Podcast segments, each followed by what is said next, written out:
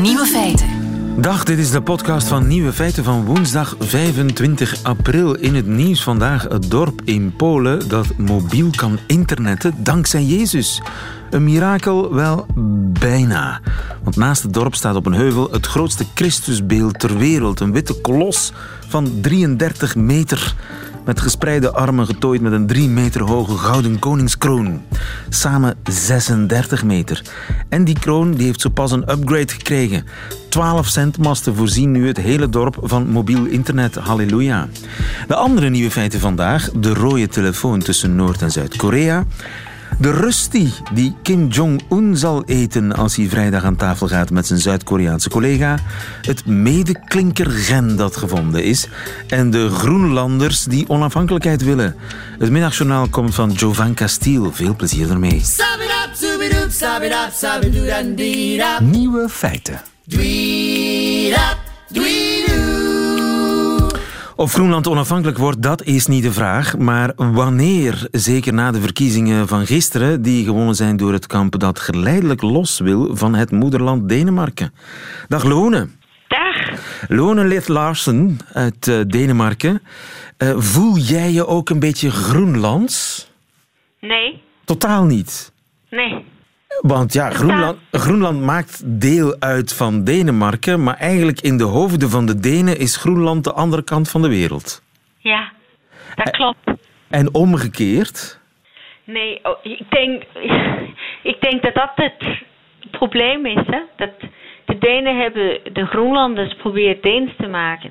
En de Groenlanders hebben dat ja, eigenlijk opgelegd gekregen. Maar in wezen voelen zij zich natuurlijk ook heel weinig Deens. En de Denen hebben geprobeerd om de Groenlanders te verdenen. En hoe hebben ze dat gedaan? Nou, met het christendom. In, in, in begin. En dan ook met dat, dat ze Deens moesten leren en geen Groenlands moesten, konden leren op school. Dat is nu veranderd. Maar uh, ja, en dat ze als ze moeten doorstuderen, moeten ze toch wel naar Denemarken. Ik bedoel, er woont maar ongeveer 60.000 mensen op Groenland. Dus echt een universiteit kunnen ze niet hebben. Ja, dus de jeugd, als die wil studeren, die moet naar uh, Kopenhagen komen, naar Denemarken. Ja. Dan zijn ze toch ook wel een beetje afhankelijk van Denemarken. Ja, ja, ja. Uh, per persoon is het ongeveer ietsje minder dan 10.000 euro per jaar dat Denemarken overmaakt aan Groenland. Gewoon cash storten op uh, Groenlandse rekening. Ja. Dus ze willen wel onafhankelijk zijn, maar ze kunnen het eigenlijk niet. Nee. In, zoals het is nu niet. Maar ze hebben natuurlijk steeds stappen gemaakt. En, en dat is natuurlijk herkenbaar van andere regio's in de wereld of in Europa. Onder andere Vlaanderen. Dat ze stappen maken om steeds meer uh, autonomie te krijgen. Ze hebben ook wat je noemt de, home rule. Dus ze, ze, ze, hebben een zelfstandige status. Maar ze hebben ook een afgevaardigde in het Deense parlement. En heel vaak, twee zelfs. En heel vaak zijn de Groenlanders die, die bepalen welke politiek dat we in Denemarken leiden. Omdat het met die twee mandaten, extra mandaten dat ze dan uh, iets te zeggen hebben. Ja, ja. Maar, maar het, is, het is eigenlijk vooral een emotioneel ding. Ja. Ze willen hun eigen cultuur. Ze worden ook steeds meer Groenlands. En ze willen nu ook met de nieuwe regering of de nieuwe legislatuur willen ze ook uh, staan op hun eigen taal. En dat is natuurlijk uh, normaal. Ja, en hebben ze op dit moment niet het recht om hun eigen taal te spreken? Ja, toch? Wel, jawel, jawel. Maar nu, nu, op dit moment zijn er mensen die geen Groenlands spreken, maar Deens. En er zijn mensen die staan erop dat ze alleen maar Groenlands willen spreken. En dat is, dat is een beetje een kloof en een probleem in Groenland. En, en, en, en daar, ja, de taal, dat is ook herkenbaar, denk ik. De taalkwestie is, is momenteel wel een, uh, een punt. Ja, en omgekeerd, houdt Denemarken vast aan Groenland? Ik denk dat voor Denemarken is het niet de grootste wens dat ze onafhankelijk worden. Omdat um, dat heeft te maken met de geopolitische vraagstuk. Uh, Groenland is heel erg belangrijk in de strijd van het hele noordelijke deel van de aardbol. Ehm, tussen, tussen Amerika, Canada, Rusland en dan Denemarken. En dus als de Denen daar wegtrekken, dan uh, is het ruim baan voor de Chinezen of de Russen om daar uh, zich in Ja. te kopen. Of de Amerikanen. Ja. Zij zijn heel erg eh, eh, stevig bezig momenteel om te investeren in Groenland. En wat denk je, Lone, zal het gebeuren? Worden de Groenlanders onafhankelijk? Ik denk het wel, maar ik denk niet dat het. ehm da- daar is een partij die het heel graag heel snel wil laten gebeuren. Maar eigenlijk is. Ik hoorde laatst een analyse en. Eigenlijk, dit is niet zozeer de wens van de Groenlanders, maar meer van de politieke partijen. Zij zijn veel meer bekommerd over goede huisvesting, over sociale rechten, over al die dingen die heel dicht bij een mens staan. En daarom denk ik dat eh, dat kan wel zijn dat er politieke partijen zijn die, die dat hardop schreeuwen. Eh, maar dat het wel een geleidelijke proces is Ja. naar onafhankelijkheid. Ja, want de mensen willen eigenlijk vooral oplossingen voor hun praktische problemen, zijn niet zozeer Ja. bezig met eh, Ja. die onafhankelijkheid. Dankjewel, Lone. Graag gedaan. Goedemiddag. Dag. Goedemiddag. Ja, dag. Radio 1. Nieuwe feiten. Vrolijkheid alom, want het medeklinker-gen blijkt gevonden te zijn. Het medeklinker-gen. Dat is het gen dat bepaalt hoe makkelijk je medeklinkers herkent. Mark van Oostendorp, goedemiddag. Goedemiddag. Mijn favoriete taalkundige. Medeklinkers herkennen, dat kan toch iedereen? Ja, het medeklinkergen is misschien dan ook een beetje overdreven. Maar ze hebben een gen ontdekt dat het inderdaad in ieder geval makkelijker maakt om medeklinkers eh, te herkennen. Het is zeker niet het enige gen, want inderdaad, eh, eigenlijk kan ieder, ja, mensen die doof zijn natuurlijk niet, maar afgezien daarvan kan iedereen en ook als je maar jong genoeg bent, dus als baby, kan iedereen zeker alle medeklinkers van alle talen herkennen. Maar in bepaalde streken hebben ze dat gen meer. Ik probeer het een beetje simpel te maken. En daar herkennen ze makkelijker medeklinkers. Juist, dus het is een gen dat het makkelijker maakt om medeklinkers te hebben. En sommige mensen hebben dat meer en sommigen hebben het minder. Of hebben een bepaald stukje van dat gen meer of minder. En in die streken, dat, dat zijn hele grote streken. Hè, dan hebben we het over gigantische gebieden die meer dan één land omstrijken. Maar in zulke gebieden spreken ze meestal talen waarin er ook meer medeklinkers zijn. En dat beïnvloedt dus de taal. Nou ja, dus het blijkt eigenlijk, ik denk eigenlijk dat je het zo moet zien dat de taal zich aanpast aan de mens. Dus als de mens meer medeklinkers aan kan, dan heeft een taal de neiging om langzaam maar zeker ook steeds meer medeklinkers te ontwikkelen, want die kunnen de mensen toch makkelijker aan. En zo komen daar, ontstaan daar dan dus talen met relatief veel medeklinkers. Ah ja, dus de ene taal heeft veel meer medeklinkers dan de andere taal. Wat is zo bijvoorbeeld in Europa de taal met de meeste medeklinkers? Nou ja, eh, eh, Slavische talen staan natuurlijk bekend om heel veel medeklinkers. Maar vooral ook de Baltische talen, hè, Lets en, eh en Litouws, hebben heel veel medeklinkers. Het is, het is een beetje hoe je telt, maar eh, dat zou mijn eh, Ja. gok zijn. Ik heb hier de Litouwse premier, laten we eens luisteren. Dabar yra pasiūlytos rekomendacijos ir tos rekomendacijos bus nukreiptos teisingumo ministrui, kad jie išanalizuotų ir paruoštų teisės aktą. Inderdaad, de ene, het is een opeenstapeling van medeklinkers. Hoeveel medeklinkers heeft het Litouws, weet je dat?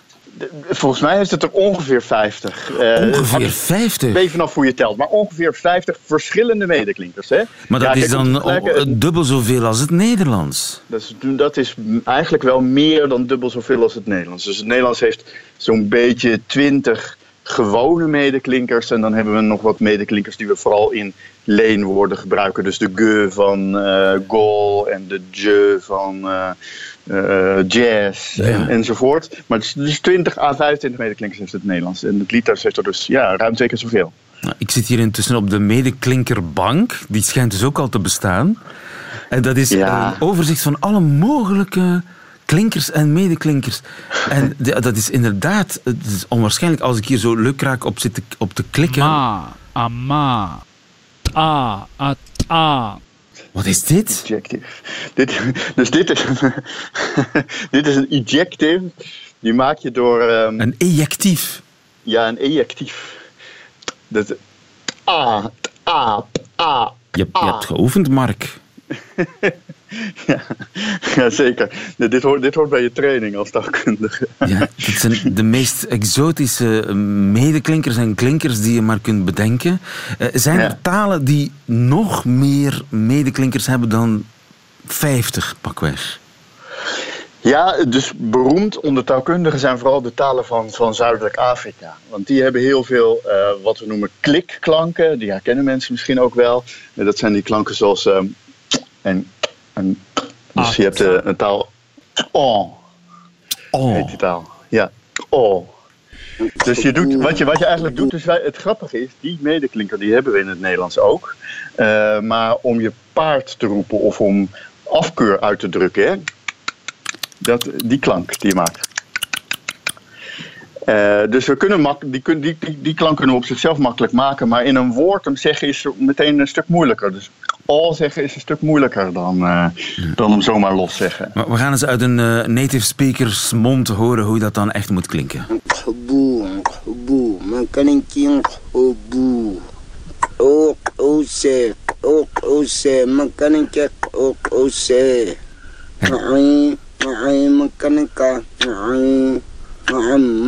Zo spreken ze dus in eh, bepaalde streken in Namibië, waar ze dus dat medeklinkergen kennelijk eh, heel sterk moeten hebben ontwikkeld.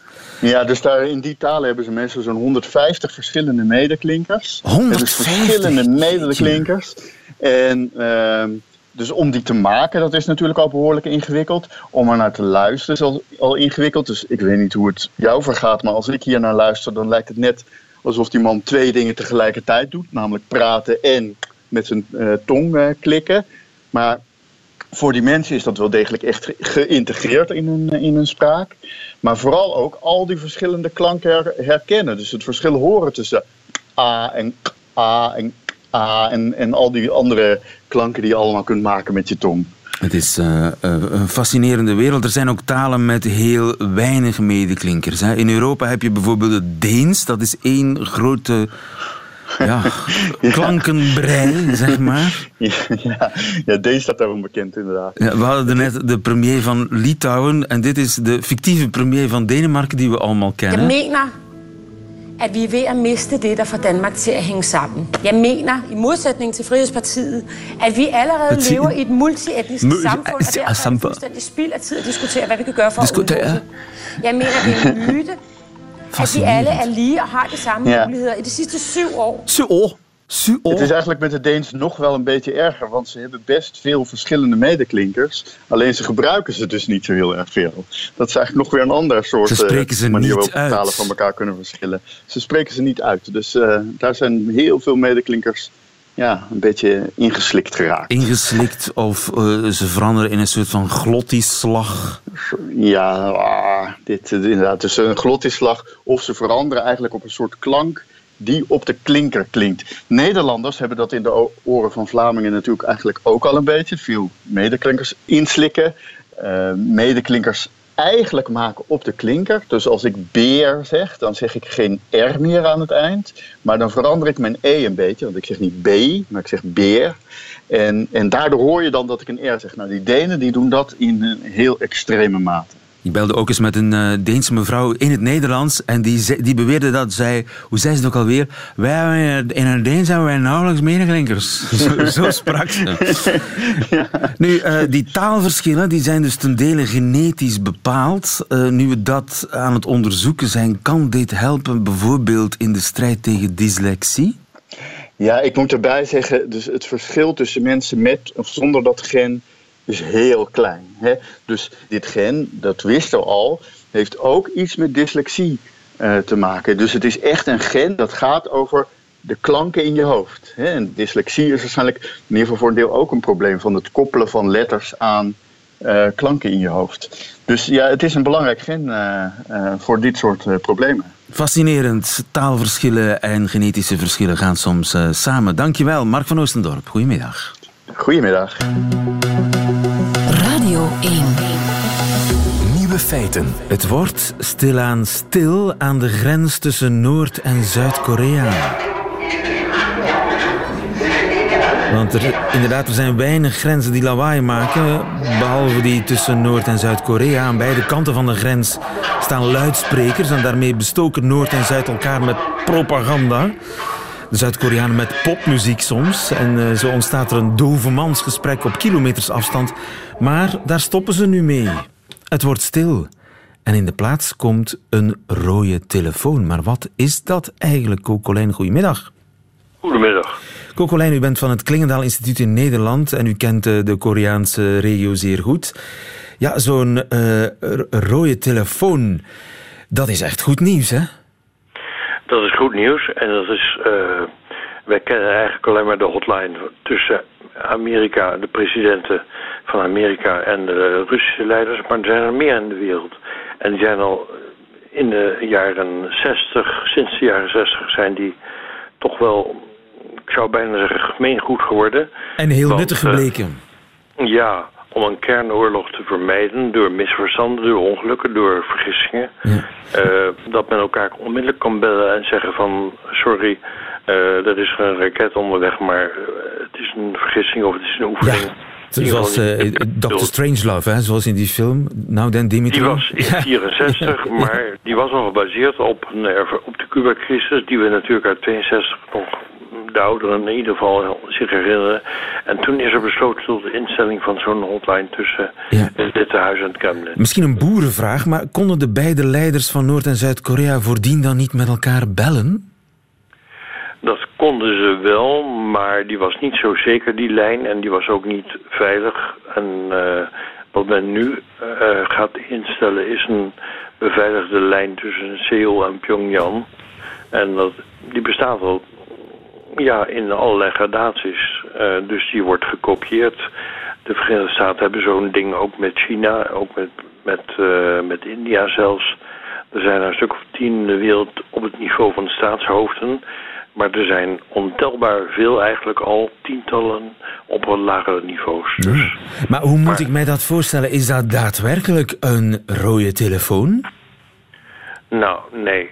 Um, het is een... Uh, hij is, hij is langzaam geëvalueerd. Er is nu tussen Amerika en Rusland is er ook een natuurlijke e-mailverbinding.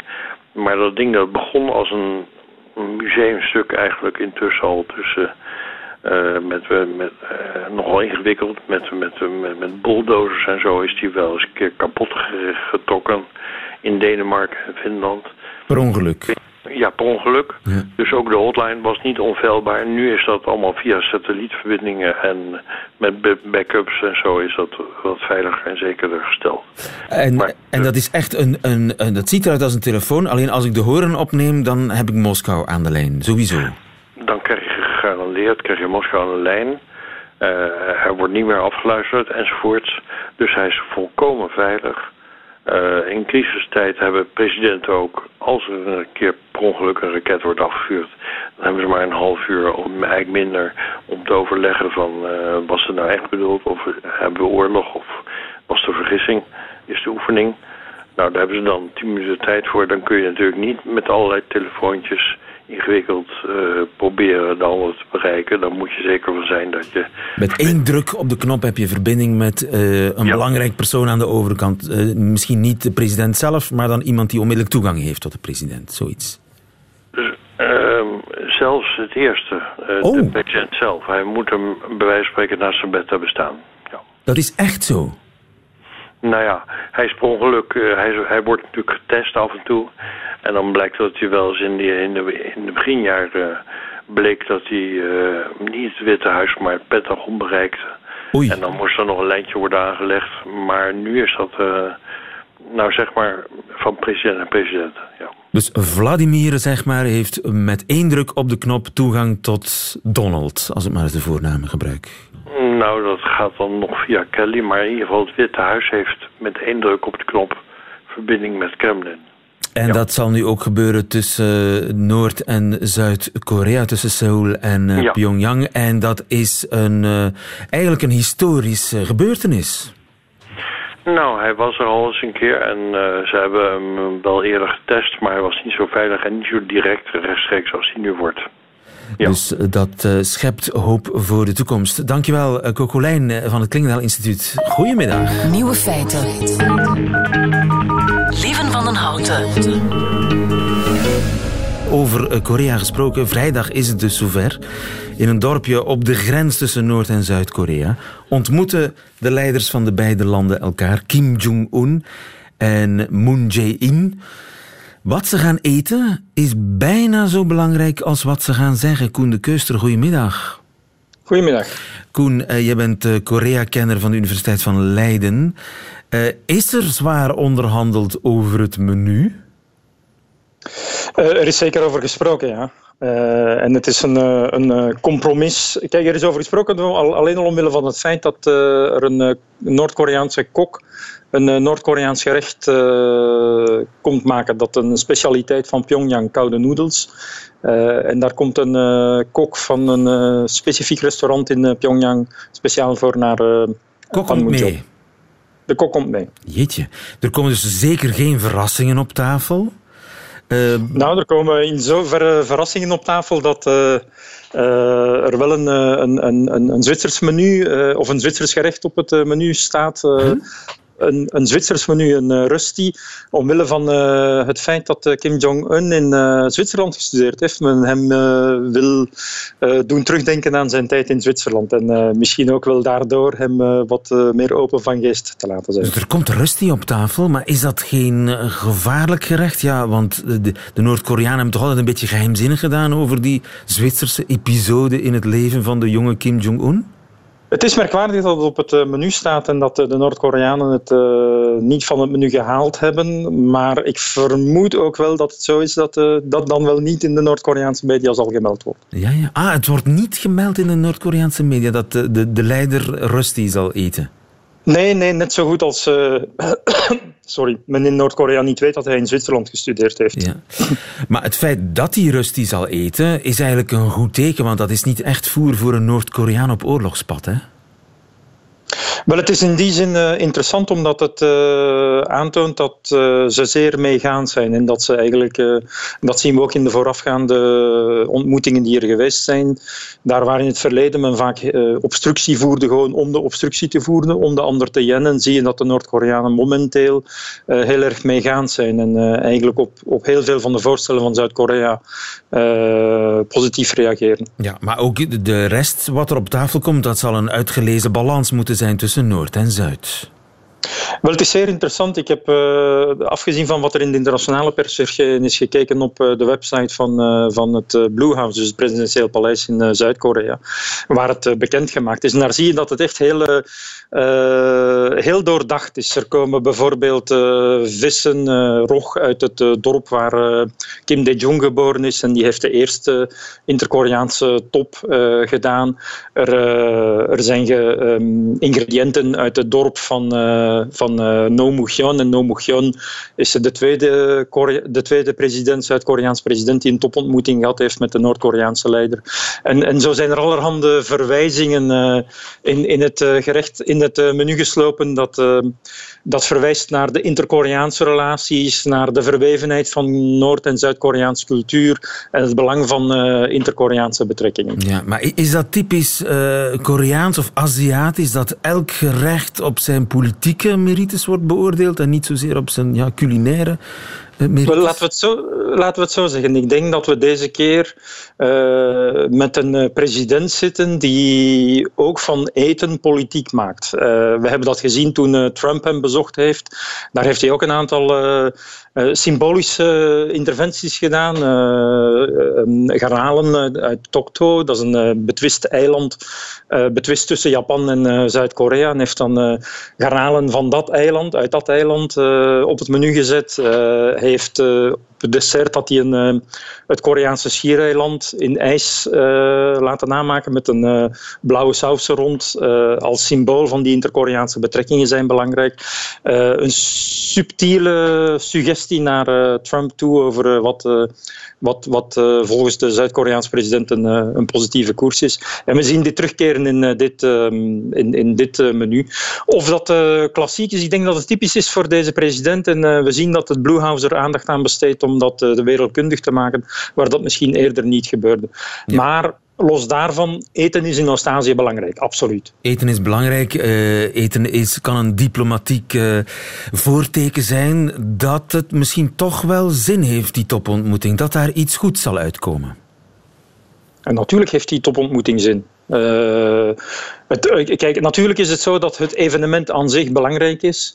Maar het zit in een proces dat eigenlijk ja, je, je, kan twee beginmomenten kiezen. Hè. Je kan zeggen, uh, sinds Moon Jae-in uh, als Zuid-Koreaanse president verkozen werd uh, midden mei vorig jaar, en hij onmiddellijk gezegd heeft, we moeten werken aan de inter-Koreaanse relaties en we willen dat Noord-Korea aan de winterspelen in Pyeongchang deelneemt. Um, de Noord-Koreaanse, Noord-Koreaanse leider Kim Jong-un, die op uh, 1 januari zijn nieuwjaarstoespraak ook aangaf, goed, ik ben er klaar voor. We hebben aan de wereld getoond dat we kernwapens hebben, dat we raketten hebben die uh, de Verenigde Staten kunnen bereiken. En dus zijn we klaar om opnieuw aan tafel te gaan zitten. En vanaf dan zie je eigenlijk dat er een dynamiek is van um, wederzijdse ontmoetingen. Um, en, en, en dit is een eerste belangrijk hoogtepunt. Het is een opstap naar de topontmoeting die er uh, hopelijk zit aan te komen tussen Trump en uh, Kim Jong-un. Uh, en en het, uh, het open perspectief. Ja. We, we, je mag niet vergeten dat we uit een periode komen van ruim tien jaar, acht jaar, waar de interkoreaanse relaties eigenlijk stil lagen. En dan daarvoor had je een periode van tien jaar dat er een begin is gemaakt met uh, intensieve interkoreaanse contacten. En Moon Jae-in, de huidige Zuid-Koreaanse president, was daar al bij betrokken. Uh, en dus en hij dus neemt daar, we daar terug naartoe, naar een soort gespannen vrede. Uh, nee, de bedoeling is en de, de aanzet is, en, en daaraan zie je ook dat Kim Jong-un toch wel enigszins een andere leider is. Uh, er wordt nu expliciet gesproken over het beëindigen van de Koreaanse oorlog, het sluiten van een vredesakkoord. Uh, en dat heeft ook te maken met uh, de eis die er is van de internationale gemeenschap, denuclearisering. Maar die zal er niet komen als er voor Noord-Korea geen vredesakkoord is. Uh, dus... dus... dat is een belangrijke voorwaarde. Maar het is een wens die langs Noord en Zuid eigenlijk al langer gekoesterd wordt. En dus we maken kans op een echt vredesakkoord? Maar dat moet je niet verwachten als uh, conclusie van deze top. Maar er zal wel gezegd worden dat er uh, gewerkt wordt aan, gestreefd wordt naar en dat er nu eindelijk werk moet gemaakt worden van een vredesakkoord. Uh, ik denk dat het belangrijkste van deze top zal zijn dat we Kim Jong-un expliciet horen zeggen dat hij achter denuclearisering staat. Dat hebben we nu alleen nog maar indirect via de Zuid-Koreaanse president, via Xi Jinping. Maar we hebben dat nog niet van hem zelf gehoord. En hier zal hij op een publiek forum komen. En je kan er donder op zeggen dat het in de slotverklaring zal staan. Ik hoop dat de rust die helpt. Dankjewel Koen de Kuster. Goedemiddag. Nieuwe feiten. Middagjournaal. Ik ben een buitenlander. En als je een buitenlander bent, ben je natuurlijk anders dan de meeste mensen. Mensen verwachten ook dat je vreemde dingen zal doen. En dat kan een voordeel zijn, want zelfs kei irritante dingen die je doet, zullen mensen een beetje lief vinden. Ze zeggen: Ah ja, het is een andere cultuur, dus we moeten tolerant zijn. Als je te veel maquillage draagt, als je te luid praat en als je grote handvollen popcorn in je mond stopt terwijl de helft op de vloer van de cinema valt, zullen mensen gewoon denken: ah, dat moet iets typisch Amerikaans zijn. En het omgekeerde gebeurt ook. Want soms weet ik niet of iets typisch Vlaams is of dat het gewoon een vreemde gewoonte van mijn Vlaamse man is. Als ik mensen vertel over vreemde dingen die mijn man doet, zoals het feit dat hij alleen bier kan drinken als de naam van het bier op het glas staat, of dat hij denkt dat elke plaats in Vlaanderen maar 20 minuten rijden is, of dat hij obsessief naar wielrennen kijkt, dan antwoorden de mensen: Ja, ja, Jovanka, dat is typisch Vlaams. Blijkbaar ben ik getrouwd met een typische Vlaming. Ik kan alles over de cultuur leren door hem. Dus nu weet ik dat typische Vlamingen altijd klagen over het weer. Dat typische Vlamingen een pan vol eten in de frigo zetten in plaats van het mooi in een plastic bakje te doen. En dat typische Vlamingen de kattenbak vergeten schoon te maken, zelfs als ze dat vier dagen geleden gingen doen. Maar ja, het is een andere cultuur, dus ik moet tolerant zijn.